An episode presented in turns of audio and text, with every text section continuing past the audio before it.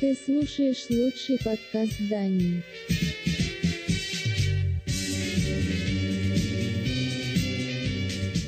Музыкальная милиция.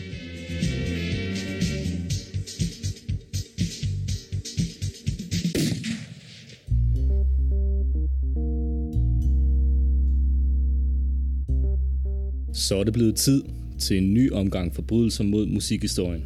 Og der er tale om en mindre sensation. jeg har nemlig stillet selve den gode rocksmags husgud og kliché foran muren med bind for øjnene, og det er Jeppe faktisk helt uenig med mig i. Jeg hedder Christoffer, og du lytter til Musikmilitsen og forbrydelser mod musikhistorien. Denne gang om kliché.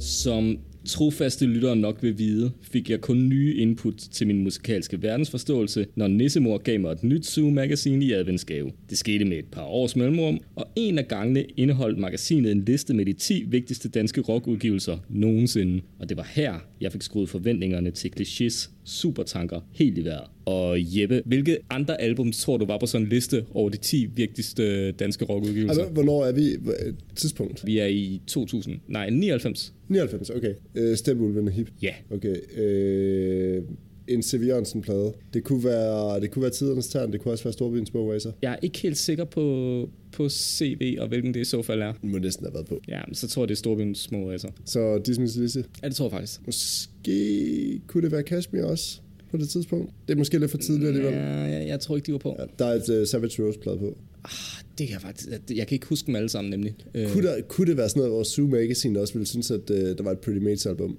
som var så fedt, at det var på der? Nej, men, men øh, vi, vi, vi er lidt derhen af. Men. Øh, Merciful Fate? Ah, Nej, nej, nej. Så, nej, ikke- så, så, så, ikke- ikke så meget. fancy er det alligevel heller ikke. Hvad med One Two? Nej, nej, nej, nej. Altså, nu, No Fuel var med. Okay, nå ja, selvfølgelig, ja, okay. Klart nok. Yes. Kunne, jeg tror faktisk også, at Skovsen Ingemann var med. Er det? Ja, har men- både Stevulven og Skovsen Ingemann. Det kan også godt være, det kan også godt være til fejl. Jeg er nok desværre kommet til at smide bladet ud. Det kunne også være... Det kunne være sjovt at se, hvad man så som de 10 mest øh, sådan indflydelsesrige plader, der var lavet Ja. i 1999. Men i hvert fald skal man have sig for øje, at når jeg dengang læste sådan en artikel, så var det svaret lidt til at sige, Christoffer, det her det er en opgave, vi giver dig. Så snart det er muligt, så skulle du have skaffet og som minimum lyttet til de her CD'er. Ellers er det et eller andet galt med dig. Og dengang, der, jeg tror dårligt nok, at man kunne låne CD'er på det store bibliotek inde i, inde, inde i byen, fordi vi selv boede i sådan en mindre kommune. Og hvad, hvad er det for en by, vi taler om der? Altså den store by på det tidspunkt, der var vi flyttet, det var Vejle, men øh, den der lille kommune, vi boede i, havde ikke nogen sådan clearingsaftale med Vejle Kommune, så man kunne ikke øh, tage ind og låne CD'er. Den havde vel, ikke, den havde vel en bogbus? Der var bogbus i Morslet. Der var sådan nogle mindre biblioteker, men Så det, kan man det, låne dem på kassettebånd. det er rigtigt, jeg fandme låne mange kassette. Især den, dengang vi boede i Herningområdet, jeg æder med at låne mange kassettebånd. Det var... Jamen, det var sådan en gateway til, til ny, nye ting. Jeg kan huske på et tidspunkt, hvor jeg lånte øh, et Nana-bånd, fordi jeg var helt overbevist om, at det var Nena.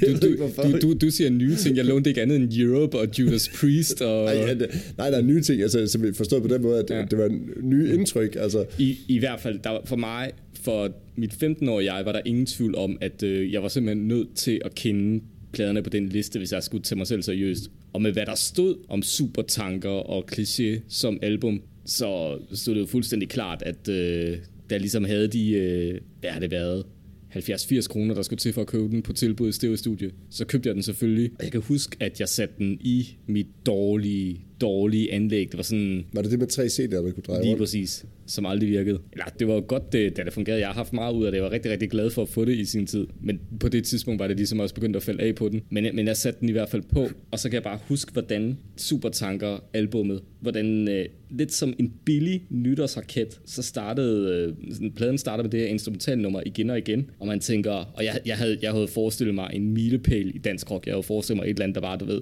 brændt fuldstændig igennem og sat sig fast på net til stærke melodier og stærke tekster.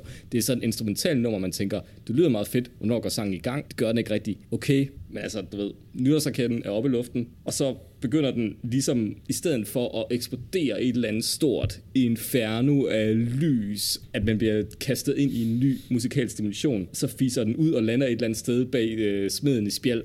Ligesom alle de nytårsraketter, jeg har fyret af i nytårsaften har gjort. Jeg kan bare huske følelsen af, at jeg havde forventet storhed, og det jeg fik, kunne jeg bedst beskrive som et øh, meget, meget, meget stresset Lars H.G. album. Det skal også siges, at en eller anden grund havde jeg ikke fattet, at Lars H.G. var med i Cliché, så det var det andet andet stort chok, da jeg hørte pladen, altså hvad, for hvor fanden er Lars H.G. med det her. Det var rigtig, rigtig antiklimatisk, og jeg tror, at jeg siden den dag, og jeg, jeg lyttede til pladen mange gange, altså jeg, jeg, jeg faktisk lyttede rigtig meget til Supertanker, fordi jeg, jeg havde sgu ikke så mange CD'er. Dem, jeg havde købt, altså, de var, de var ligesom nødt til at få turen. Så det er ikke, fordi jeg ikke har givet den en chance, men den dag i dag sidder jeg nok tilbage med spørgsmålet, hvorfor skulle det album egentlig være noget særligt? Det er ikke, fordi jeg synes, det er et dårligt album. Jeg synes bare heller ikke, det er det mesterværk, det bliver gjort til. Og det er nok i virkeligheden derfor, vi øh, har kliché med i dag. Så Jeppe, hvorfor er du så skide glad for kliché og supertanker? Altså, først og fremmest vil jeg sige, at jeg kan genkende til rigtig meget af det, du siger om supertanker. Jeg kan også godt huske første gang, at jeg satte den på, og også ligesom havde fået det her monster bygget op, øh, i forhold til, at det her virkelig skulle være noget specielt. Jeg tror så faktisk, at måske jeg satte den på på LP, for det skal være løgn, i en alder af måske en 12-13 år eller sådan noget, hvor det ligesom sådan kom ind på lystavlen, at det her, det skal man fandme lytte til. Og det var selvfølgelig især min litskvinder, var det nummer, som min far måske nævnte, som værende det nummer, der sådan var hit dødt. Så jeg tror måske også sådan lidt, at jeg sådan bare kørt hen på det, og så hørt det nummer, og synes at det var meget fedt. Ikke? Øh, og så er der måske i virkeligheden gået noget tid, før jeg sådan har lyttet til resten af pladen. Jeg kan huske dengang, i altså sådan min tidlige sådan teenageår, da jeg var 13-14 år eller sådan noget, der fangede det mig sgu egentlig ikke specielt meget. Altså, og det var ikke fordi, jeg sådan kunne lytte til det der, og sådan tænke, at det var et eller andet, en eller anden kæmpe åbenbaring, men det voksede på mig. Og jeg tror også, jo ældre jeg er blevet, jo mere, sådan, jo mere har jeg værdsat det, at det er et dansk band, der har skrevet et album og ikke skrevet sange. Og jeg kan godt lide, at det er noget, hvor at det er helt ufatteligt gennemtænkt og meget, meget gennemkonceptualiseret, det de foretager sig. Og det er faktisk noget, jeg synes er meget sjældent, man ser i dansk musik, er noget, hvor de er meget, meget kompromilløse i det, de foretager sig. Og det synes jeg virkelig skinner igennem på, på en plade. Altså, jeg synes, det er enormt modigt at gå ind og bruge nærmest sådan helt... Det er jo ligesom at høre sådan en prog-plade, eller sådan noget, de første fem minutter, som, som er åbningen, øh, åbningen på den her... Altså, det er jo sådan en overture i virkeligheden, og så kommer Havets Blå, ikke? Hvad hedder den? Igen og igen, det første... Nej, hvad fanden hedder den? Den hedder Igen og igen. Igen og igen, ikke? Det, det, det, åbningen der, ikke? Og så kommer Havets Blå, som, som fandme er et fedt nummer, mand. Det er jo super catchy, altså. Og jeg kan godt lide den der sådan... Øh, jeg har snakket om det før i den her podcast, det der med, at det også ligesom selvfølgelig ligger i tiden, det der med, at man sådan depersonificerer sine tekster. Altså, der er jo ikke nogen jeg-fortæller på kliché teksterne overhovedet. Alt er fuldstændig Det er jo- barberet det er jo væk. løgn. Det er der på ald, øh, aldrig mere. Men det meste af det, det, det er jo et vi, og det er en maskine, det er en, det er en sammentømret enhed, der ligesom agerer sammen, når de, når de foretager sig noget. Ikke? Altså, Ha- Havets Blå lyder som sådan en, en dårlig sådan børnetv med Lasse Lunderskov, så sådan fungerer en fabrik, sådan fungerer en olietanker, men den har nok været i Rotterdam, og så har den nok været i Kuwait og så videre. Ej, jeg synes godt, man kan give det der credit for, for sådan det lyriske i det, faktisk. Altså, prøv at tænke på, hvad det er for en tid, de kommer ud af. De kommer ud af en tid med den ene mere politiske plade end den anden, ikke? Og alting Og, skulle og have den et budskab og sådan fortsætter noget, i samme fucking dur. Det gør det den der, sgu da det, det er sådan noget ikke. marxisme, det der. Det er sådan, sådan Det fungerer. der, det der er fandme der Maski- anti mas- maskinerne arbejder. Hvad, Ja, men det der antimarxistisk, det er jo en, det er jo en modreaktion imod det der, det der set som, som en ironisk kommentar til maoisme for eksempel og sådan noget. Der er jo ikke noget af det der, de mener. Der er jo ikke, det- altså det der nok, nok nærmere sådan, at det er jo fuldstændig vanvittigt, at, at det står i den lille røde, at folket og kun folket er drivkraften i skabelsen af verdens historie. Det er jo lige netop det, det ikke er. Altså, det er jo det, der, det er, jo det, der er paradokset i det, det er, at de står jo og søger nogle ting, som de jo et eller andet sted, altså, der er ting, de hylder, der er, de hylder maskinen, og de hylder frem altså kan man sige, det, det gør kraftværk på sin vis også, og det, det er jo nok også en stor øh, inspiration nu, nu, til dem, ikke? nu, kan vi, nu kan vi tage teksten senere. Jeg, jeg tror, jeg er lidt uenig med... Altså, jeg kan sagtens se joken og det ironiske. Jeg, jeg synes måske stadig, de hænger fast i noget af det der strukturalisme, der hjemsøgte øh, både politik og musikscenen i 70'erne. men måske er det også svært ligesom at lave et fuldstændig clean cut på det tidspunkt. Man skal også tænke på, hvor, hvor altså, man skal også tænke på, at de, de fungerer i en tid, ikke? Det kommer jo ikke fuldstændig, altså sådan, Jo, men det skal man fandme tro, når man læser om det album, ikke? Fordi at når man læser i for eksempel den danske kulturkanon om kliché, altså øh, i forvejen, altså der er jo ikke det, der ikke bliver læsset ind i det band. Det er lidt som om, at de er de første danskere, der formår at skabe musik, der er inspireret af ikke bare David Bowie, men Bowies Berlin-periode. Uh, Roxy Music, Kraftwerk, Devo, Ramones. Altså stort set alle de fede bands fra det tidspunkt, de sidste øh, hvad, 5-10 år, du kan komme i tanke om, er kliché selvfølgelig inspireret af. Fordi at, hvor ville det dog være skrækkeligt,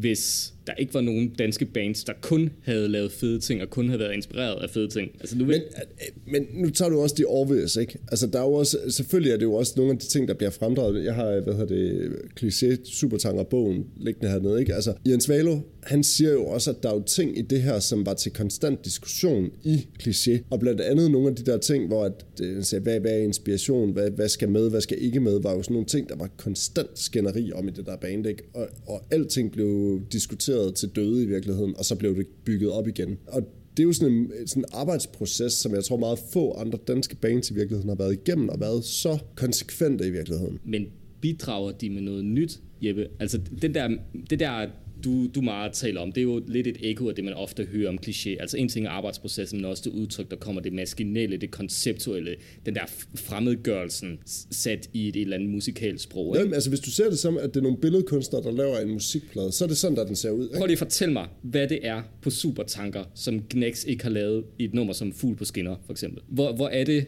hvad er det for nogle nye øh, sådan vider, de træder ud på, der altså, ikke har været skabt i dansk musik sige, før på det Supertanker tidspunkt. bliver indspillet i, øh, hvad hedder det, Sweet Silence Studiet i København i maj 79. Ja. Burhøns bliver indspillet i juni 79 på, gen, eller på Feedback-studiet i Aarhus, eller i, feedback, i Feedback-studiet i Aarhus. Jeg synes, at hvis man ser de to ting op mod hinanden og siger, at de her to markerer en tid, og vi har snakket om det før med Knax og Burhøns, at de også er inspireret af en eller anden punkbevægelse og sådan noget. Cliché bliver tit sat i samme bås som som sådan punkbevægelsen og spillede også med på Pærepunk-pladen øh, og var med ved nogle af de der første sådan punk øh, festivaler og sådan noget i Danmark. Jeg vil aldrig nogensinde sætte dem i sådan en punk-kategori, men jeg synes, det er meget tydeligt, når man hører de to plader op af hinanden. Man har et burhøns, som bevares af en sindssygt fed plade, og det er også en, jeg sætter på, men jeg synes ikke, at burhøns i samme grad bidrager med noget nyt, som øh, Supertanker gør. Jeg synes, Supertanker er meget mere øh, konsekvent i deres måde for eksempel at bruge trommer på. Jeg synes, Supertanker er meget mere konsekvent i forhold til at skabe et lydbillede, som jeg faktisk vil mene også holder i dag. Jeg synes, at når man lytter til Supertanker, så lyder den eddermage med crisp. Det, altså, bevares Burhøns lyder også godt, men ja, så, Burhøns er bare noget andet. Så, så, når du lytter til et nummer Burhøns, som... Burhøns lyder meget, meget tidstypisk, så jeg synes faktisk, at de, altså, Ej, jeg synes super, faktisk, Supertanker at... lyder eddermame også tidstypisk. Prøv at sætte et nummer på som The Bodyguards eller Stjerner i deres øjne, og fortæl mig, at du ikke tænker, så sluk dog for, det er punk lort. Ej, det vil jeg sgu ikke sige, men det, men det handler selvfølgelig også om, om, øh, om smag i virkeligheden, ikke? Om, om hvorvidt man godt kan lide den her stil eller ej. De numre er jo ikke færdige. Altså, jeg tror, at de i den grad er måske mere end færdige. Så er de overcooked. De fungerer ikke. Jeg kan ikke se, hvorfor du ikke synes, at det ikke fungerer. Jeg synes, at Brills måde at spille trommer ind over det, for eksempel synes jeg, at den lille sådan, stjerne, der er på det her, altså i det her bane, der, jeg synes, det spiller fucking fedt, og jeg synes, at det er sindssygt fedt at have en trommeslager på det her tidspunkt, som bare ligger så steady, bord og stol, hele vejen igennem, fuldstændig konsekvent. Vi kommer ud af en masse tromme, altså sådan Ken Gudman, eller de der sådan store danske trommeslager i, i, i 70'erne og sådan noget. Han er en helt anden stil, ham her, ikke? Der er ikke noget pis, der er ikke nogen tammer, der er ikke nogen feels, det er bare ren kraut hele vejen igennem i virkeligheden. Ikke? Men vil du ikke godt kunne pege på, på andre danske bands, hvor det også gør sig gældende. Altså, jeg synes jo, jeg ikke... kunne pege på TV2, bortset fra, at Svend Gavl, han ikke kan spille trommer. Og TV2, de er jo også voldsomt inspireret af musik, man skal sige, måske lidt for inspireret af, af kliché. Altså bare fordi, at deres nummer går i rene 4 fjerdedel, betyder det jo ikke, at, at Brill gør et eller andet særligt. Altså jeg synes også, der er andre... Nej, men det er måske også det, det, er måske også det der er det fede. Det er måske lige netop ja, ja, det, der er det geniale. Jeg, jeg, synes, det handler, jeg, jeg synes, det handler om, at kliché får credit for at skabe nogle lydbilleder og en stil, fordi at de også har deres credentials i orden i øvrigt fordi at de er acceptabel, fordi at de ikke er Gnax, der også har lavet andre ting. De, fordi de har, folk falder for det der minimalisme pis med kedeldragterne og så videre. Men det er, er, det ikke også, er det ikke også meget fedt det der med, at du har nogen, der er? Altså det er jo ligesom at tage ind og se en teaterforestilling. Eller det sådan er noget, lige, hvad det er. Det er teater, det her. Ja, og det, og, men det kan der også godt gøre. For eksempel, jeg elsker Ghost. Jeg synes, Ghost er et vanvittigt fedt band, men Ghost vil jo ikke fungere, hvis det var folk, der stillede sig op i øh, jeans og øh, en eller anden fedtet skjorte og bare band t-shirts, når det gik på scenen. Ghost, det fungerer kun fordi, at det er øh, Papa Emeritus, den et eller andet, og, og hans Nameless Ghouls. Boy, boy så fungerer det. Så er det kraftigt med fedt, Lad os være ærlige, hvis Papa Emeritus tog en anden ansigtsmaling på og en høj hat og spillede en masse gamle Merciful Fate, så ville det være det fedeste King Diamond Band. Det er jo det, det er. Det er jo bare Merciful. Men, men det er da også sagen underordnet. Det er jo fuldstændig ligegyldigt. Derfor er det jo stadigvæk god underholdning at tage ind og se det. Jeg synes, der stadigvæk, at de der Ghost-plader er sgu da meget fede. Altså, men jeg mener bare, jeg synes, at der er så mange faldgrupper ved kliché. Hvis de havde beholdt fløjelsbukserne og det lange hår og majspiberne og så videre, som, som er det, Steffen Branden siger, han skulle lægge, aflægge sig i garderoben, da han startede med at spille med kliché, så er det jo koldt.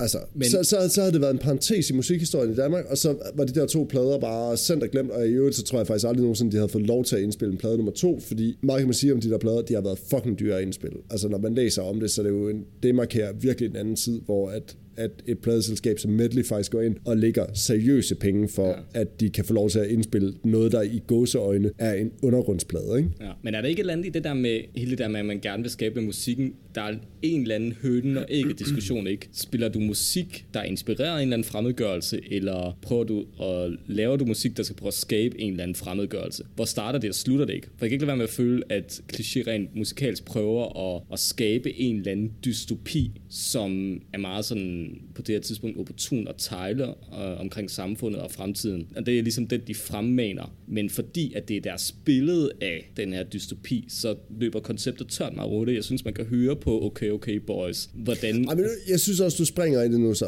Hvis du, altså, skal vi holde os til supertanker, eller skal vi tage det sådan... Altså nu taler, vi, nu taler vi hele musikken. Altså, Okay, ja. Men altså...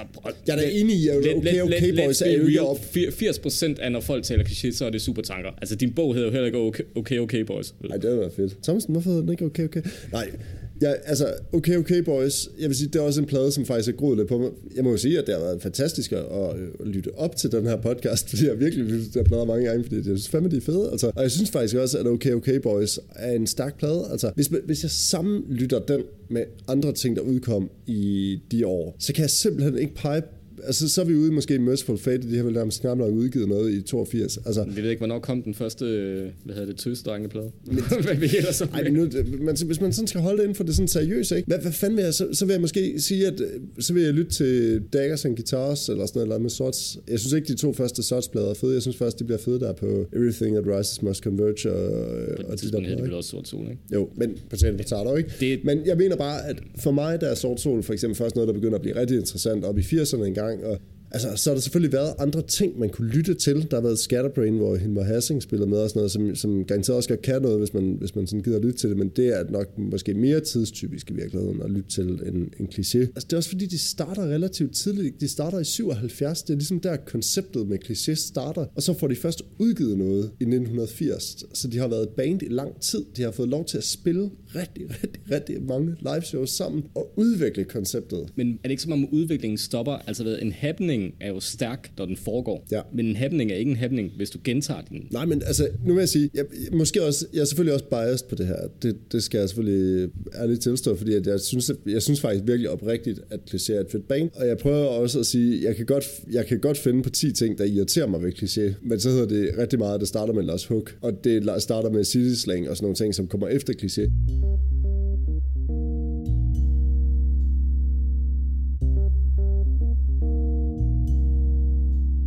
Jeg har en kammerat, som har skrevet en bog om kliché, og den blev til, så, altså første gang, øh, det, han hedder Thomas Løbentin, ham der har skrevet den, og han spillede guitar i mit band på en turné for 6-7 år siden eller sådan noget. Og det er første gang, han nævnte for mig det der med, at det kunne være grineren at lave noget om kliché, fordi at der var rigtig mange ting ved kliché, som sådan bongede ud på det der sådan kendisparameter, eller sådan øh, star-parameter i forhold til sådan dansk musik, men der var faktisk aldrig nogensinde sådan lavet den der sådan bog om det. Der er aldrig nogensinde udgivet sådan ukendte Roskilde-optagelser fra 1981. Der er aldrig kommet den der sådan live-optagelse fra saltlæret i 1900 og bla bla bla. Så Cliché står bare meget skarpt med to plader, og det er fucking det, der er. Og så er der nogle, øh, så er der nogle sådan lidt underlige videoer, de har lavet til DR op igennem 80'erne, ikke? Som, er, som er sådan helt fucked og blæst og meget, meget sådan 80'er-agtige, ikke? En visuel tortur, vil jeg kalde det. Jeg vil sige, de er, også, de er lidt hårde at komme igennem, det må, det må, det må jeg jo nok ærligt tilstå. Og der fødtes ligesom ideen til, at han ville dykke ned og så skrive en, en bog om kliché. Den peger jo ned på nogle detaljer om kliché, som jeg synes er ret interessante, og det er nemlig det der med tidsperspektivet i det. Det er, at klichés supertanker opstår jo ikke bare. Det er jo ikke bare, det er jo ikke bare sådan et koncept, de starter måneden før, og så udgiver de supertanker. Det er jo et meget, meget, meget langt forløb, hvor at de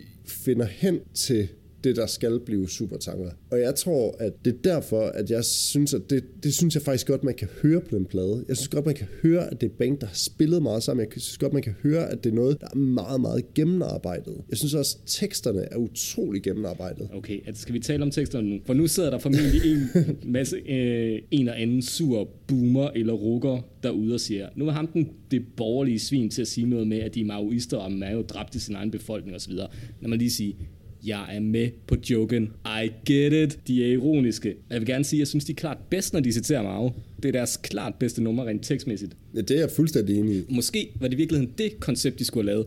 Fuck det med supertankeren. De skal bare sige, vi har et koncept, hvor vi dedikerer et album til hver rejsesfuld diktator i verdenshistorien. Ikke? Så kunne supertanker, det kunne være Mave-albummet. Så kunne man måske lave et Honecker-album. Det er måske okay, okay boys, ikke? Hoxer-albummet. Hoxer-albummet. I samarbejde med Savage Rose. Ja, præcis. Hitler-albummet. Så, altså, der, der vil være... Hitler-albummet. Stalin-albummet.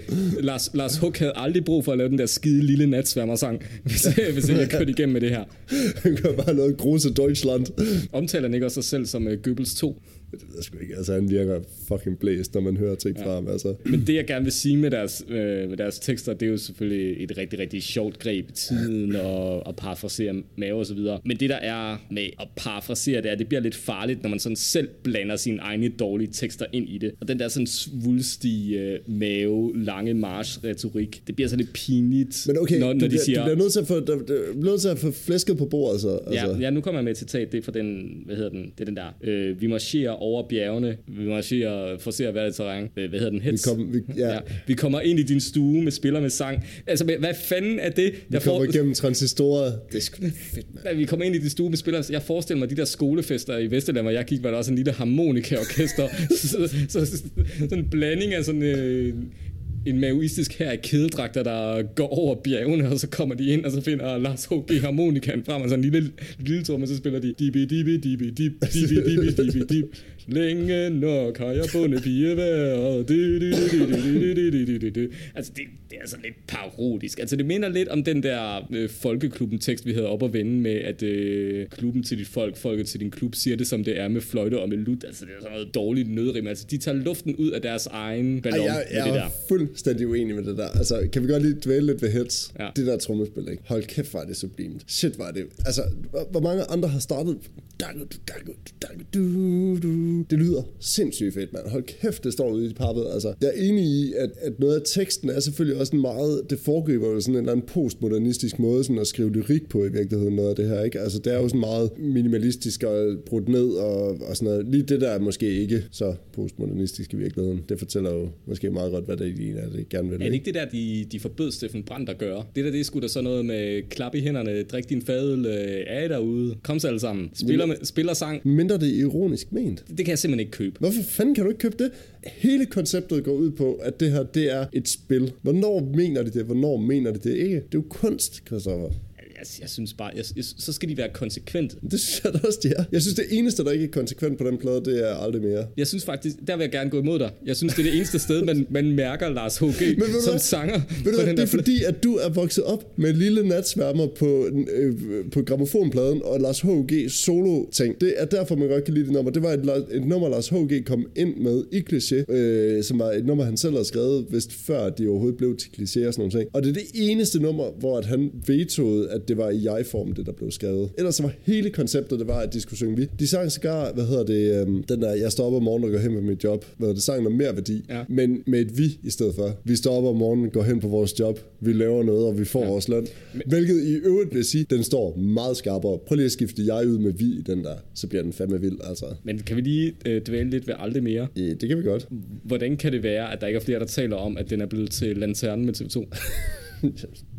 altså, jeg synes, vi har talt om det måske i øh, vores øh, TV2-afsnit i Forbrydelse mod musikhistorie. Det kan godt være. Jeg ved, ikke, om, jeg ved ikke, om det lige præcis var den der, men, men vi har i hvert fald talt om, at, øh, at TV2 var voldsomt inspireret af det, af det for, for mildt udtryk. Altså lidt på samme måde som at uh, Electric Light Orchestra havde som erklæret mål at fortsætte, hvor Beatles slap, så tror jeg, at uh, TV2 havde som erklæret mål at fortsætte, hvor Cliché slap. Jeg bortset fra, at de ikke havde sluppet på det tidspunkt. De var jo sådan set stadigvæk i fuld gang. Altså en, en hver kunne se, at de var ved at knalde hovedet ned i rettet med et uh, akut hjerteslag og ved at køre ind i en betonvæg.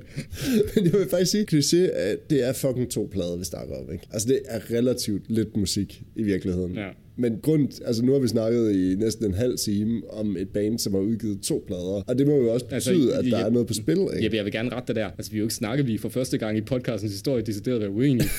vi er meget uenige med det her. Altså, igen, hvis det havde, det havde været et Lars H.U.G. solo-afsnit, så er jeg ret sikker på, at Ja. ja. vi havde været uenige med andet foretegn måske. Ja, jeg synes heller ikke, at han solo, at at han solo ting, ting er bedst. Men altså det her, Lars H.G., han er jo en mental case. Altså, han er jo bindegal. Altså, der, der er jo tydeligt beskrevet i bogen Supertank også, hvordan han, øh, han, går, han går ned og bliver simpelthen lukket inde på den lukkede afdeling under indspillingen til Supertanker. Ikke? Det binder tilbage til, jeg synes faktisk godt, at vi kan dvæle lidt ved tiden før Supertanker, sådan lige umiddelbart op til, som jeg synes er meget interessant, og det er ikke fra sådan et forsvarspoint of view, det er bare sådan en generelt iagtagelse af, hvordan dansk musik var skruet sammen på det her tidspunkt, hvis det er okay, at vi gør det. Det skal vi vel klippe det væk, tænker jeg. Ja, det kan vi vel godt, men det er bare mere, som forsvar, der vil jeg gerne lige, øh, eller bare sådan, jeg synes, det kunne være det er interessant at dykke ned i. Fordi det, der foregår, det er, at der i slutningen af 70'erne, så øh, bliver der udgivet en plade på det pladeselskab, der hedder Kong Per, og det er et underselskab til medley. En af hovedmændene bag medley, det er Paul Brun, som øh, de fleste nok kender som ham, der har været co-producer og Ham producer. der, ham, der lavede gasolin, ikke? Ham, der har lavet gasolin, ja. Basically, sådan. Øh, var inde over Sonet og senere CBS. Går så solo sammen med nogle andre og laver medley i slutningen af 70'erne. Som det er det der med den lille mand med kasketten, hvor det Som først siden er gået op, Larsen. for, gået op for mig, det er Kim Larsen. Men måske var det, fordi de gerne ville have Kim Larsen med, fordi han havde håbet på at få Kim Larsen med over på medley, men det lykkedes ikke på det tidspunkt. Det lykkedes så senere hen i 80'erne at få, få Kim Larsen over på medley. De lavede et underselskab, der hed Kong Per, som ligesom skulle tage sig af sådan noget undergrundsting og sådan noget. De var faktisk nogle af de eneste, som sådan det interesserede var, sig. ikke, det var ikke det der indie-trick, man også lavede, oplavede gennem 90'erne med, at uh, man lavede nogle øh, sublabels til de Jo, store jo, plader, det er- fordi det var... u- Jo, det er jo et sublabel. Altså, det, Jamen, det, er jo, ja, ja, det, det er jo ting, der kan udgives, uden at man har specielt stor økonomisk risiko ved det. Nej, det er ikke dem, det er ikke det, jeg mener, Jeppe. Der er jo et publikum, der bliver rigtig, rigtig sure, når de ser, at det band, de godt kan lide, der er rigtig politisk bliver udgivet på Sony. Det er jo derfor, at Rage Against the Machine er udgivet på Epic, der er et sublabel til Sony, og Smashing Pumpkins er udgivet på et uh, label, Men det, er der hedder det er fordi, Hot, der er et sublabel til Men det er jo fordi musikfans jo stort set ikke har nogen hjerne, altså de ikke engang gider at slå sådan nogle ting op. Ah, yep. Men jeg tror faktisk, helt oprigtigt, så tror jeg faktisk, at det her det er en anden konstruktion, hvor det handler om, at du har et underlabel, som ligesom er et, et selskab for sig, som, som kan udgive i mindre oplag og sådan noget ting, uden lige at læ- lægge hovedet på bloggen på det. Det kan godt være, du siger bullshit på det, men Jamen, jeg, jeg tror på det bedste i folk. under alle omstændigheder, så kan man jo så sige, at Medley er faktisk nogle af de eneste, der sådan lægger mærke til og anerkender den her øh, punkscene, der begynder at opstå i Danmark i slutningen af 70'erne. Og de inviterer alle de bands, som har spillet på den her, øh, hvad hedder det, punkfestival i Aarhus, til at indspille nogle numre til den her plade, der bliver til øh, PR Punk. Når man lytter til den plade, så hører man blandt andet Brads, som er det meget, meget tidlige Merciful Fate, er med på den plade. Man hører Dream Police fra Aarhus med Johnny Concrete, som er, som er sådan en helt smadret, tilste, knallert uh, punk. Man hører Slim, som måske, jeg vil, jeg vil sige toppen på den plade af, af de numre med Slim, i hvert fald i, i, i min optik. Jeg synes fandme godt nok, det er vildt. Altså. Så er der nogle sorts numre, og der er Electroshock, tror jeg også. Og så er der også Cliché. Måske er der også nogle andre, det kan jeg sgu ikke lige huske. Jeg synes, det står meget ud med de to kliché-nummer, der er på her, hvor de spiller Militskvinder, og de spiller Farvel. Man kan bare høre det hits. Altså man kan fandme høre på Militskvinder, at det er så meget lavet til radio, ikke? Altså selvfølgelig, det er jo også neandertaleragtigt at sige bab, bab, babadio. Men det virker jo. Altså, det virker, det er jo noget, som, som man Så behøver at høre så må en du gang, elske ikke? Okay Okay Boys, for det hele er jo fandme show, show, show, show, lario, alfa tango, ba. Altså, de degenererer jo rent tekstmæssigt allerede der. Jamen, altså, jeg vil, jeg vil mene, at jeg kan godt forstå, at en Paul Brun har lyttet til det der færdige produkt med Per Pong og tænkt, jeg bliver nødt til at lave en plade med kliché på medley ud fra sådan et rent, jeg skal sælge nogle plader point of view, ikke? Altså, der er jo ikke nogen pladeselskaber, der gør noget for deres blå øjens skyld. De gør det jo, fordi de skal tjene penge på lortet i sidste ende, ikke? Altså, det er jo også derfor, at han giver dem så fucking lang snor i et studie, ikke? Altså, men når man læser historier om deres tur i studie for at indspille Supertanker, så er det jo sådan noget med, at de ting, de lavede på Perpong, og correct me if I'm wrong, det kan sagtens være det, indspillede de noget, der hedder Luna Studio, hvor de, hvor de sådan basically bare var sådan noget, lidt ligesom Jack's Beat Record, eller sådan noget, forestiller jeg mig, hvor de bare kommer ind, stiller op, indspiller, udgiver. Der er ikke så meget pis. Men så får de ligesom nogle penge med til at kunne booke studietid i Sweet Silence Studiet i København, hvilket også er meget vildt i virkeligheden. Prøv at se, de kommer fra Aarhus. De kunne bare tage ud i Haraldsgade. De kunne tage ud til Knacks studie, og så kunne de indspille det derude, hvis det var. Men nej, nej, det skal ikke være nemt det her, så de selvfølgelig tager de til København for at indspille med Niels Henriksen som producer, fordi det er ham, som Paul Brun vælger. For i kernelytteren af den her podcast, så er Niels Henriksen ikke et nyt navn. Kan du huske, hvor han har optrådt henne? Ja, det er jo... Øh, han har været omkring Sebastian, han har været inde omkring Seve Jørgensen. Øh, Så i vores podcast hvor vi ikke har fat i Sebastian, så er det naturligvis C.V. Jørgensens Storbyens Små Racer, han har produceret. hvad er det, der er hans claim to fame? Han har været med i det, de der... Moirana og Cool Papers Orchard og sådan noget. Han er også en pisdygtig guitarist. Altså, han, han spiller jo skide godt. Det, der bare er vildt sjovt, det er, at øh, Siv Jørgensens band kunne ikke med ham i studiet. De synes, jeg var en idiot. Og øh, der er jo nogen, der sådan claimer, at det basically er, er hvad hedder det, Steve Kreuzfeldt, der faktisk har produceret det meste af den plade, fordi at det var, det var, han var, hvad hedder det, teknisk producer på den, eller sådan noget, technical, yeah. eller noget, bla bla bla. Engineer. Det, der er sjovt ved det, det er, at Nils Henriksen producerer nogle af grundsporene til Supertanker.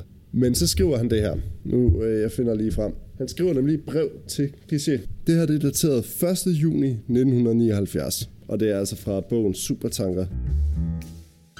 Kære klichéer, det er nu en uges tid siden, at vi var i studiet. Jeg har gået og hørt bånd, tænkt over tingene og har skiftevis været op og nede over det hele.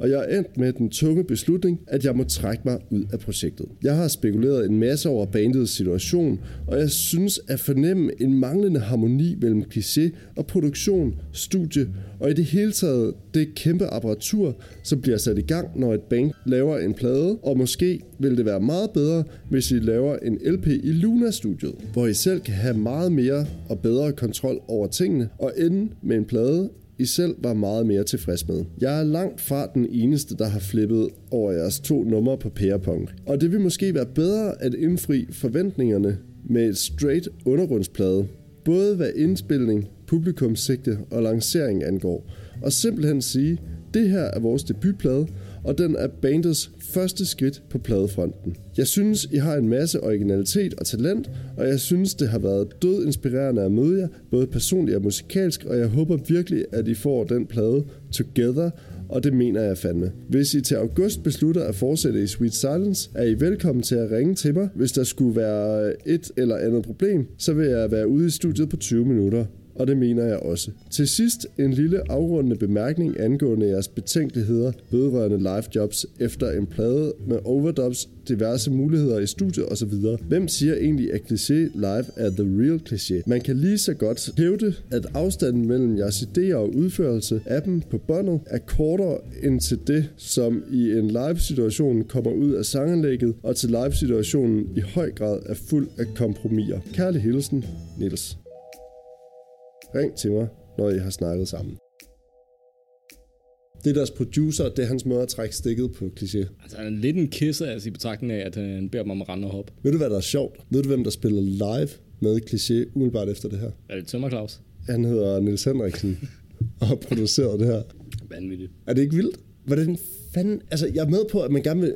Undskyld, hvis jeg sådan lige overtager det lidt nu her, ikke? Men jeg er med på, at man gerne vil lave noget, der er vildt og punk, og, eller sådan øh, ude og skide og sådan noget. Og at Medley måske er det eneste pladeselskab i virkeligheden, som er interesseret i at lave sådan en plade, fordi det kunne godt være, at det ikke var fungeret, og vi har Haraldsgade med Jens som producer, det tror jeg højst sandsynligt nok ikke det var. Og der er også en pointe i, at det gerne vil ud af det der Aarhus flip, som er meget bygget op omkring Knacks i de her år. Ikke? Jeg forstår bare ikke, hvorfor at Paul Brun af alle mennesker, de her klichédrenge, de må skulle da have hørt gasolin og bare tænkt fucking omgang bag. Hvis ikke de har gjort det, så der skulle der et eller andet fuldstændig vanvittigt galt. Altså, Men er vi ikke fremme med noget essentielt, at du måske tiltror dem en integritet og kan man sige nogle, nogle evner og kan man sige at nogle kræfter, de måske ikke nødvendigvis har haft. Jeg kan ikke lade være, når jeg læser og hører dig fortælle om den, når jeg læser om kliché, så er der rigtig meget for mig, der handler om, at det er det rette band til den rette tid. Jeg synes nogle gange, når man forskellen på dansk undervisning i gymnasiet og universitetet er, at man på et højere niveau ikke sådan opererer med de der rene skillelinjer mellem perioder. Men det er lidt som om, at kliché pinedød skal være bandet, der varsler noget nyt, et nyt fremmedgjort årti 80'erne. Og det til alle tider været sådan, at man har fyldt alle sin håb ind i en stakkels person, eller det her tilfælde band. Altså Jesus af Nazareth, han skulle frelse jødedommen. Greta Thunberg, hun skal frelse planeten. Og kliché skulle dengang være alt det nye. De skulle være anti-hippie. De skulle være anti-70'er. De skulle, som vi var inde på, de skulle være alt fra kraftværk til Ramones. De skulle ligesom rumme det hele, hele den her postmoderne nihilisme, vi vader rundt i den dag i dag. Den skulle de bare være, og de skulle være sådan nogle overmennesker, der havde skudt igennem det hele og havde en plan for alt. Og alle de her forestillinger, vi fylder ind i klichéer, der sparsomme diskografi. Jeg kan ikke lade være med at slippe den her tanke om, at det er fordi, at vi som danskere har behov for, at vi har et band, der er det. Så no, nogen skal være det. De, de sådan skal, vi fylder de der forventninger ind i. Der er selvfølgelig nogle, nogle spor af det. Jeg siger ikke, at hvilket som helst band kunne have været det. Altså, de har åbenlyst haft talent øh, for nogle ting og, la- og lære nogle ting osv. Jeg føler bare, at den der status, de har, er noget, der er skabt af forventninger omkring det. Jeg tror, uden lige at vide det. Eller nej, det ved jeg faktisk godt. Jeg tror, at rigtig meget af det der efterrationalisering og eftertidens måde at se på et band, som gjorde noget andet. Og det kunne måske lige så godt have været fantastiske Toyota, der havde været den plade, man hævde frem som det nybrud, der så kom. Det ligger jo unægteligt meget, meget tæt op og ned af hinanden. Cliché var bare først. De plader dengang, altså Supertanker, blev jo voldsomt populære, ikke? Altså det, det var en, en stor succes, men det var en succes, som ikke var sådan en umiddelbar succes. Nej, det skulle lige at sige, altså nu er Den, den, blev, på... den blev udgivet, og så spillede de en masse live shows, og så langsomt begyndte den at krybe op på, på, sådan, på, på sådan pladecharts. Ikke? Okay Okay Boys var, var sådan lidt mere en instant succes, fordi bandet selvfølgelig også havde et navn på det tidspunkt. Noget, der så selvfølgelig er en lille smule ejendommeligt vigtigt, synes jeg, er, når man kigger ned i deres turplaner, at øh, det er selvfølgelig også selvfølgelig noget, der markerer en anden tid og sådan noget. Det er jo selvfølgelig en tid, hvor det at have et spillested i provinsen jo ikke nødvendigvis var ens betydende med et eller andet lakustik eller mejeranlæg, der hang og sådan noget. Det var noget, som bandet selv skulle have med, så det har måske været mere i form af sådan noget, et værtshus eller et forsamlingshus eller sådan et eller andet, og bandet ligesom skulle komme helt lortet selv og stille op og spille, og så tage væk igen, når man spillede længere tid end bare 20 minutter. Ikke? Og når man kigger på deres turplan, så har de jo spillet alle fucking steder. Altså, jeg har virkelig svært ved at forestille mig sådan en kliché i 1980 spille i Næstved for eksempel. Men fanden er kommet til sådan en show? Hvem er kommet til kliché i, i Viborg for eksempel? Jens, Jens Umlang. Hilmar Hassing, øh, men der han spiller selvfølgelig også med. Men jeg tror bare, jeg tror, det har været fucking hårdt arbejde på et tidspunkt. Ikke? At det har virkelig været et band, der har knoklet. Ikke? At de har jo virkelig spillet rigtig, rigtig, rigtig mange shows i den tid, før de udgav Supertanker, men sådan set også på bagkant af Supertanker. Og jeg tror, de profilerede shows af dem, de kan tælles på meget, meget få hænder. Så har de haft nogle hjemmebane succeser i Aarhus, og de har spillet Roskilde Festival og, og sådan nogle ting, som selvfølgelig har været store shows for dem. Men meget af det, det tror jeg virkelig har været gymnasiefester. Ikke? Det er ikke sagt, at det ikke også kunne være grineren. Jeg tænker bare, når man ser på, på Brill, så tænker jeg bare ikke sådan rigtig sådan gymnasiefest. Jeg er så jeg så underviser i historie, og det er mig, der spiller de her banketrummer i sådan steady tempo i ja. halvanden time nu. Der er et eller andet, der irriterer mig ved, ved, ved det der andet, man fylder ind i dem. Jeg har, det, jeg har sådan, hvis du laver et hovedværk i dansk musik, i dansk rock, det, du kan aldrig tage ting ud af deres tid, men det skal alligevel kunne, synes jeg, stå uden for tid og rum. Og det synes jeg ikke nødvendigvis er super tanker kan. Jeg synes, den er, det er et fint album. Den er meget, meget tidstypisk, og jeg synes også, at den bliver, den bliver gjort til en eller anden katalysator for noget, vi opfatter som et øh, ubetinget gode. Ikke? Altså, man stiller det altid op i de der modsætninger. Ikke? 70'erne, det var rode, det var sådan noget med hippie og fløjelsbukser, og pladerne kunne lyde forskelligt osv. Underforstået, det er noget skidt. Det er meget, meget bedre, at vi nu er i 80'erne, og pladerne er konceptualiseret, enslydende og fremmedgjort, øh, fremmedgjorte og nihilistiske, fordi at vi har det jo af helvede til, og verden er af helvede til, og så skal det bare være. Det er lyden af fremtiden, det er lyden af 80'erne, postmodernisme. Sådan skal det være. Men tror du ikke også, Christoffer, en lille smule, at grunden til, at du siger det der, det er fordi, at vi har haft en generation af gymnasielærer, der vi gik i gymnasiet, som var unge, da Supertanker kom frem. Og de har haft et fucking kick over det her. Ikke? De, har, de har syntes, at Strunge var den fedeste. De har syntes, at Jagt var den fedeste. De har syntes, at City Slang, det var bare noget, man, det lå bare på vinyl der på kollegeværelset og sådan nogle ting. Ikke? Men når man nu kigger på, på for eksempel øh, kulturkanonen, eller hvad fanden man nu, altså jeg synes ikke kulturkanonen er en specielt god rettesnor for noget som helst, men der er jo alligevel sådan en eller anden idé om nogle hovedværker i 70'erne også.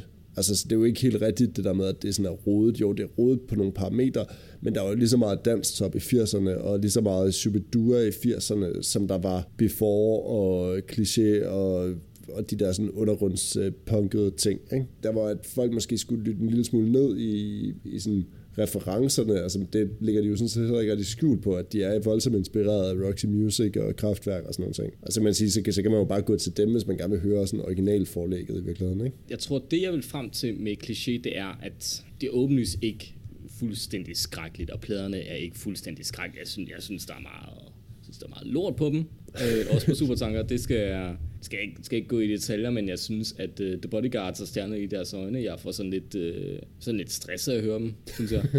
så det virker, virker ufærdigt, men jeg, jeg, synes, uh, jeg synes, der er meget, der fungerer. Det er ikke det. Jeg er bare stadig tilbage på mit uh, sådan lidt fugtige teenageværelse med Supertanker CD'en, stadig med et øh, uh, stereostudio klistermærke på, og tænker, var det det? Var det virkelig det? Jamen altså, øh, man kan jo selvfølgelig sige, hvis du så siger, var det det? Sådan, nej, det var det jo ikke, fordi der kommer jo helt vildt mange spin-offs af det her. Der er jo blandt andet Vores Top Brill, og der er jo Souvenirs er jo også ud af det her. Der er Lars H.G. solo-ting, der er City Slang og sådan noget. Så der er jo masser af ting, man kan dykke ned i, som jeg personligt måske vil mene, måske lige med undtagelse af Souvenirs faktisk. Det, det må godt være en, en parentes om, men resten var måske ikke så skide fedt efter kliché. Måske var det den her samtømmer enhed, som kunne producere to plader. Jeg tror også, at hvis de havde produceret en plade mere, så tror jeg også bare, det var blevet lort. Altså, jeg tænker også nogle gange, at konceptualitet, det er jo også meget fint, at man kan afgrænse det. Og i virkeligheden, så havde det måske stået stærkere, hvis de kun havde udgivet supertanker. Så er vi tilbage ved min pointe, at en, en happening er ikke en happening, hvis du laver den samme happening igen. Men jeg synes bare heller ikke, du kan lægge det til last, at de har skulle spille på nogle præmisser, hvor der også har været et medley, der har kastet mange penge efter det, og de har haft en idé om en udvikling. Så så det, du, synes, du, det, du siger til mig, er, at den store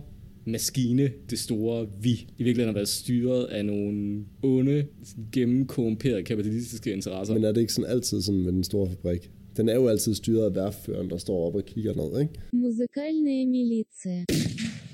Jeg vil dog alligevel påstå, at man godt kan høre forskel på Supertanker og Okay Okay Boys. Jeg synes, Okay Okay Boys er meget mere 80'er tidstypisk end, end Supertanker. Det kan godt være, at de spiller mere på øh, hvad hedder det, vinkelsliber og mærkelige lyde og sådan nogle ting. Men jeg synes, Supertanker står stærkere, også fordi at i 1982 har man bare bands i Tyskland, som kører fuld skrue med det her. Ikke? Altså du har et egenstyrelse, den Neubauten og sådan nogle ting, ikke? som kører det her to the max. Ikke? Altså, mm. Så de havde deres egne form for, for meget mere uniformerede bands. Jamen var de ikke også allerede på det tidspunkt kliché blevet en parodi eller en kliché, om du vil. Altså der er jo en grund til, at øh, hvad hedder det, patrulje blev brugt øh, i hvad hedder sådan noget, reklamefilmene til den der Dan Dream film med Kasper Christensen og Frank Bam, der foregik i 80'erne, ikke? Fordi altså, den bare skriger pastelfarver og skibriller, ikke? Jo, altså, det kan da sagtens være, det gør det, og, der, og jeg tror måske også, at øh, der, det var et andet behov, der blev udfyldt ved, at de lavede Okay Okay Boys. Altså, jeg tror ikke nødvendigvis, at det sådan var et jeg tror for eksempel, at Lars H.G. godt kunne være gået solo allerede der, og så være et stort navn for men eksempel. Det, men altså. det er meget interessant, Jeppe, fordi hvis du siger, at alt arbejder hen imod den her supertanker, hele det her koncept med supertankeren, det her store fartøj, der bare sejler derud af med olie og maskiner, der arbejder for en fælles scene. Hvad fanden er konceptet ved Okay Okay Boys? Jeg tror, jeg tror, man skal passe på med ikke at blive for fokuseret på pladerne. Jeg tror, at ideen om kliché er meget mere end pladerne. Kliché er i højere grad en live-ting, og kliché er i højere grad et mindset om det at arbejde om musik, end det er det indspillede resultat. Men det der med, hvordan de arbejder om musik, altså hvis vi skal tage den, når man hører historien om, hvordan det var at være det band, det lyder ikke som særlig hyggeligt arbejde. Men det arbejde behøver heller ikke være hyggeligt. Altså det var et band, hvor de, hvor de virkelig lavede en, gjorde en ære ud af at disse hinanden og række hinandens idéer ned. Altså jeg tror virkelig, det har været røv og nøgler at være med i det band. Skide fedt. Nøj, men altså man kan da høre sådan en Niels Torp, der var, var sådan, gik ned med sådan en klinisk depression efter at have været med i kliché, hvor det var sådan, det er frygteligt der. Altså det er et frygteligt band, men det er også fantastisk fantastisk, fordi at man skaber noget sammen, ikke? som vidderligt faktisk også kunne noget. Skal vi måske sådan øh, lige runde øh, nogle af de ting, der sker lige umiddelbart efter kliché? Eller sådan sideløbende med, med OK OK Boys faktisk? Jamen hvis du føler, det, det bidrager, bidrager til forsvaret? Jeg synes, det bidrager til perspektiveringen i hvert fald, om hvad det er, der så foregår efterfølgende. Guderne skal vide, at øh, det at spille kliché har været har været virkelig hårdt, ikke? og det har været virkelig noget, der tæret på kræfterne for alle involveret. Min kammerat øh, Thomas Løbentin, som har skrevet den her bog, han skrev til mig, fordi jeg, jeg, jeg spurgte ind til nogle ting, for eksempel sådan noget med, hvor, hvorfor spillede de ikke mere i udlandet, hvorfor Altså sådan nogle ting, hvor man sådan tænkte, de kunne, de kunne måske godt være blevet store i Tyskland. Hvorfor satte man ikke anderledes? Hvorfor valgte man Medley-studierne, øh, eller Medley som pladeselskaber, Sweet Silence og sådan nogle ting? Hvorfor ikke bare køre med det, man kendte i Aarhus? Og sådan nogle ting. Og det svarede han på, og det synes jeg også, jeg har gengivet her. Men det, der sker umiddelbart efter kliché, er jo, at de, der sådan er en opbrudsstemning, og øh, sideløbende med, at de laver OK OK Boys, og umiddelbart efter, arbejder Lars H.G. med at tonesætte Søren Ulrik Thomsens City Slang. Og øh, jeg synes godt, at man kan sige, at det var meget sundt for kliché at spille sammen, når man hører City Slang, og jeg synes også, at man kan høre, at, øh, at det bedste resultat kom i kliché, når man hører Vores Top og Brils plade, de lavede på det her tidspunkt, også lige umiddelbart efter OK OK Boys. Fordi der kan man virkelig tale om meget tidstypisk 80'er musik, øh, og meget typisk 80'er attitude, og det der med at tonesætte sådan nogle lidt postmodernistiske digte i sådan et øh, underligt tonesprog. Ikke? Med hans super, super fede fraseringer, som overhovedet ikke er irriterende. Det, er jo, det er jo sådan en stil, altså. Det, men som min, øh, som min ven skrev, at det, der var med kliché, var, at man havde en, en brill, som ikke diskuterede. Han var bare en, der var der, og så kunne han finde ud af at spille på trommer, og han kunne spille bord og stol, som meget få andre trommeslager i Danmark har kunne spille bord og stol. Og så har man haft en, øh, en Voss, øh, Johnny Voss, som har kunnet noget i forhold til at skrive tekster, i forhold til også at undersøge et lydunivers. Og så i starten havde man en, en Jens Valo, som jo ikke var musiker, men, men var meget interesseret i lyde og lyd, og, og i det hele taget dem at have et, et sådan sceneudtryk. Men det havde været noget sjask, hvis det kun havde været dem, der havde lavet noget sammen. Altså, det har aldrig nogensinde hængt sammen som band, og de har aldrig nogensinde fået lavet en skid. Og det er der, hvor at Lars H.G. er skide vigtig i forhold til, til sådan banddynamikken, fordi at det er ham, der mosler på. Ikke? Det er ham, der ligesom insisterer på det her, og insisterer på, at de skal, de skal fremad. Ikke? Og det kan man også godt høre, man kunne godt høre den der insisteren på City Slang. Altså man kan godt høre, at, at han har haft et eller andet mål med at vil lave den perfekte plade, og han har virkelig vendt hver en sten tusind gange for at komme derhen. Hvorimod, når man hører Voss Top og Brill-pladen, så kan man godt høre, at det bare er sådan noget udknald ud i et studie, hvor at, altså, ingenting hænger sammen. Altså, det, det er virkelig øst og vest, ikke? Jeg synes, ingen af delene fungerer. Jeg ved ikke, hvordan du har det. Godt nok lang tid siden, jeg har hørt øh, begge dele. En, som har hørt City Slang dengang, det er Claus Lyngård. Gode gamle. Gode gamle Claus Lyngård. Og øh, det skal lige siges, at øh, Claus Lyngård var ret stor klichéfan. Men øh, da han så har, øh, hvad hedder det, øh, været til en live performance, hedder det vel næsten, af City Slang, skriver han følgende. Skuffende på alle planer. Men det værste var nu alligevel Kim Jansson, der styrtede rundt i læderbukser, bar overkrop og militær politikasket og legede, at han var med i en eller anden dødssyg engelsk video, der prøver at aflede folks opmærksomhed fra den powermusik. Hans bidrag til det rytmiske, han slog helt moderigtigt på metal, wow, var temmelig umusikalsk. En musikfjendsk omgang, der blev afleveret af en arrogance, der grænsede til det ufrivilligt morsomme. Det mindede mig mest om en Emerson Lake Palmer koncert, som jeg uforvarende blev slæbt med til i midten af 70'erne. Der vil man også for enhver pris fremstå som kunstner men endte med sørgelige parodier ude på præsententiøs overdrev. Årets mest trælse koncertoplevelse uden sammenligning. Sådan. Var det den, han troede, han havde anmeldt positivt? Nej, altså, øh, det skal så siges, at øh, min kammerat, som har skrevet den her bog, han, øh, han havde fået en besked fra Claus Lyngård, som havde læst øh, Supertanker-bogen, og skrev, skrev til min kammerat, at det var alligevel også underligt, for nu har han gået i 40 år og troede, at han faktisk godt kunne lide City Slang, men han kan jo læse nu her i den anmeldelse, han selv har skrevet, at han faktisk synes, det var noget lort. Og jeg, jeg kan godt huske de der dans i bare overkrop og de der video, der blev lavet til, til 80'erne. Altså, apropos dansk undervisning i gymnasiet. Altså, hvad fanden, i dag har man jo bands som Ice Age og sådan noget, som ligesom løfter arven fra en top irriterende Lars H.U.G. i, i 80'erne. Ikke? Jeg tror simpelthen, at han har været så øretævindbydende at være sammen med, at man næsten tror, det er løgn, ikke? og så præsentøs, at man slet ikke fatter det. Men i den kontekst af kliché, hvor at det ligesom bliver tøjlet på en eller anden vis, at han ikke er et ego i den sammenhæng. Han fungerer, men jeg vil nok stadig fastholde, at jeg ikke synes, at han eller bandet fungerer helt så godt, som folkloren siger.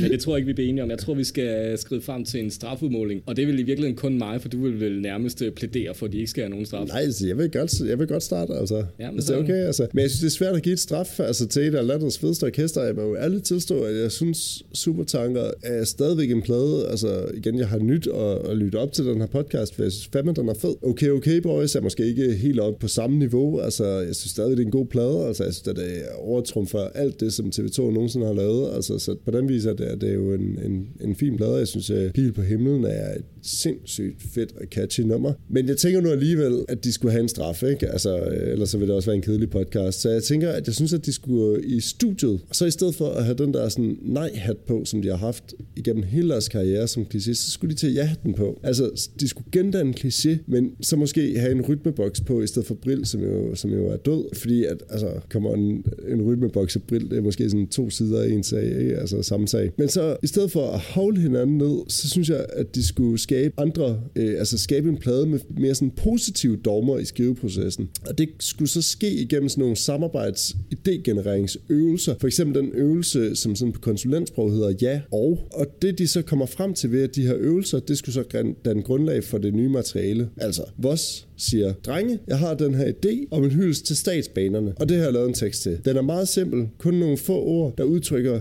den øh, monotome minimalisme ved togrejs teksten. DSB, hej, toiletter, skiftespor, skiftespor, TE og DSB, skiftespor og toiletter.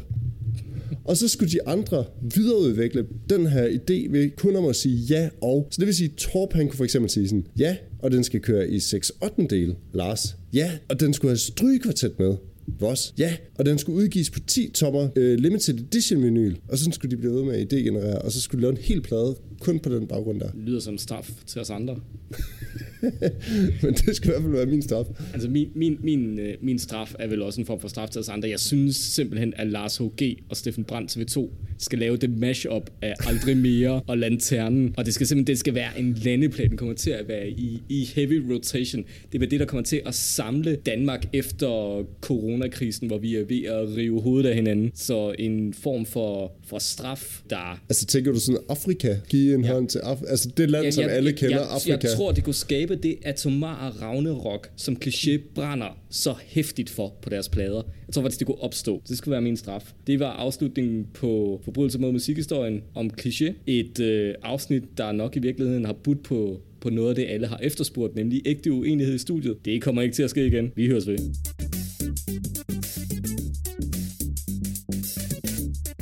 Du har lyttet til Forbrydelser mod musikhistorien. Du finder os i iTunes, på Spotify og på Facebook, hvor du passende kan give os ret, eller belære os om alt det, vi ikke forstår. Intet er heldigt, heller ikke på Facebook.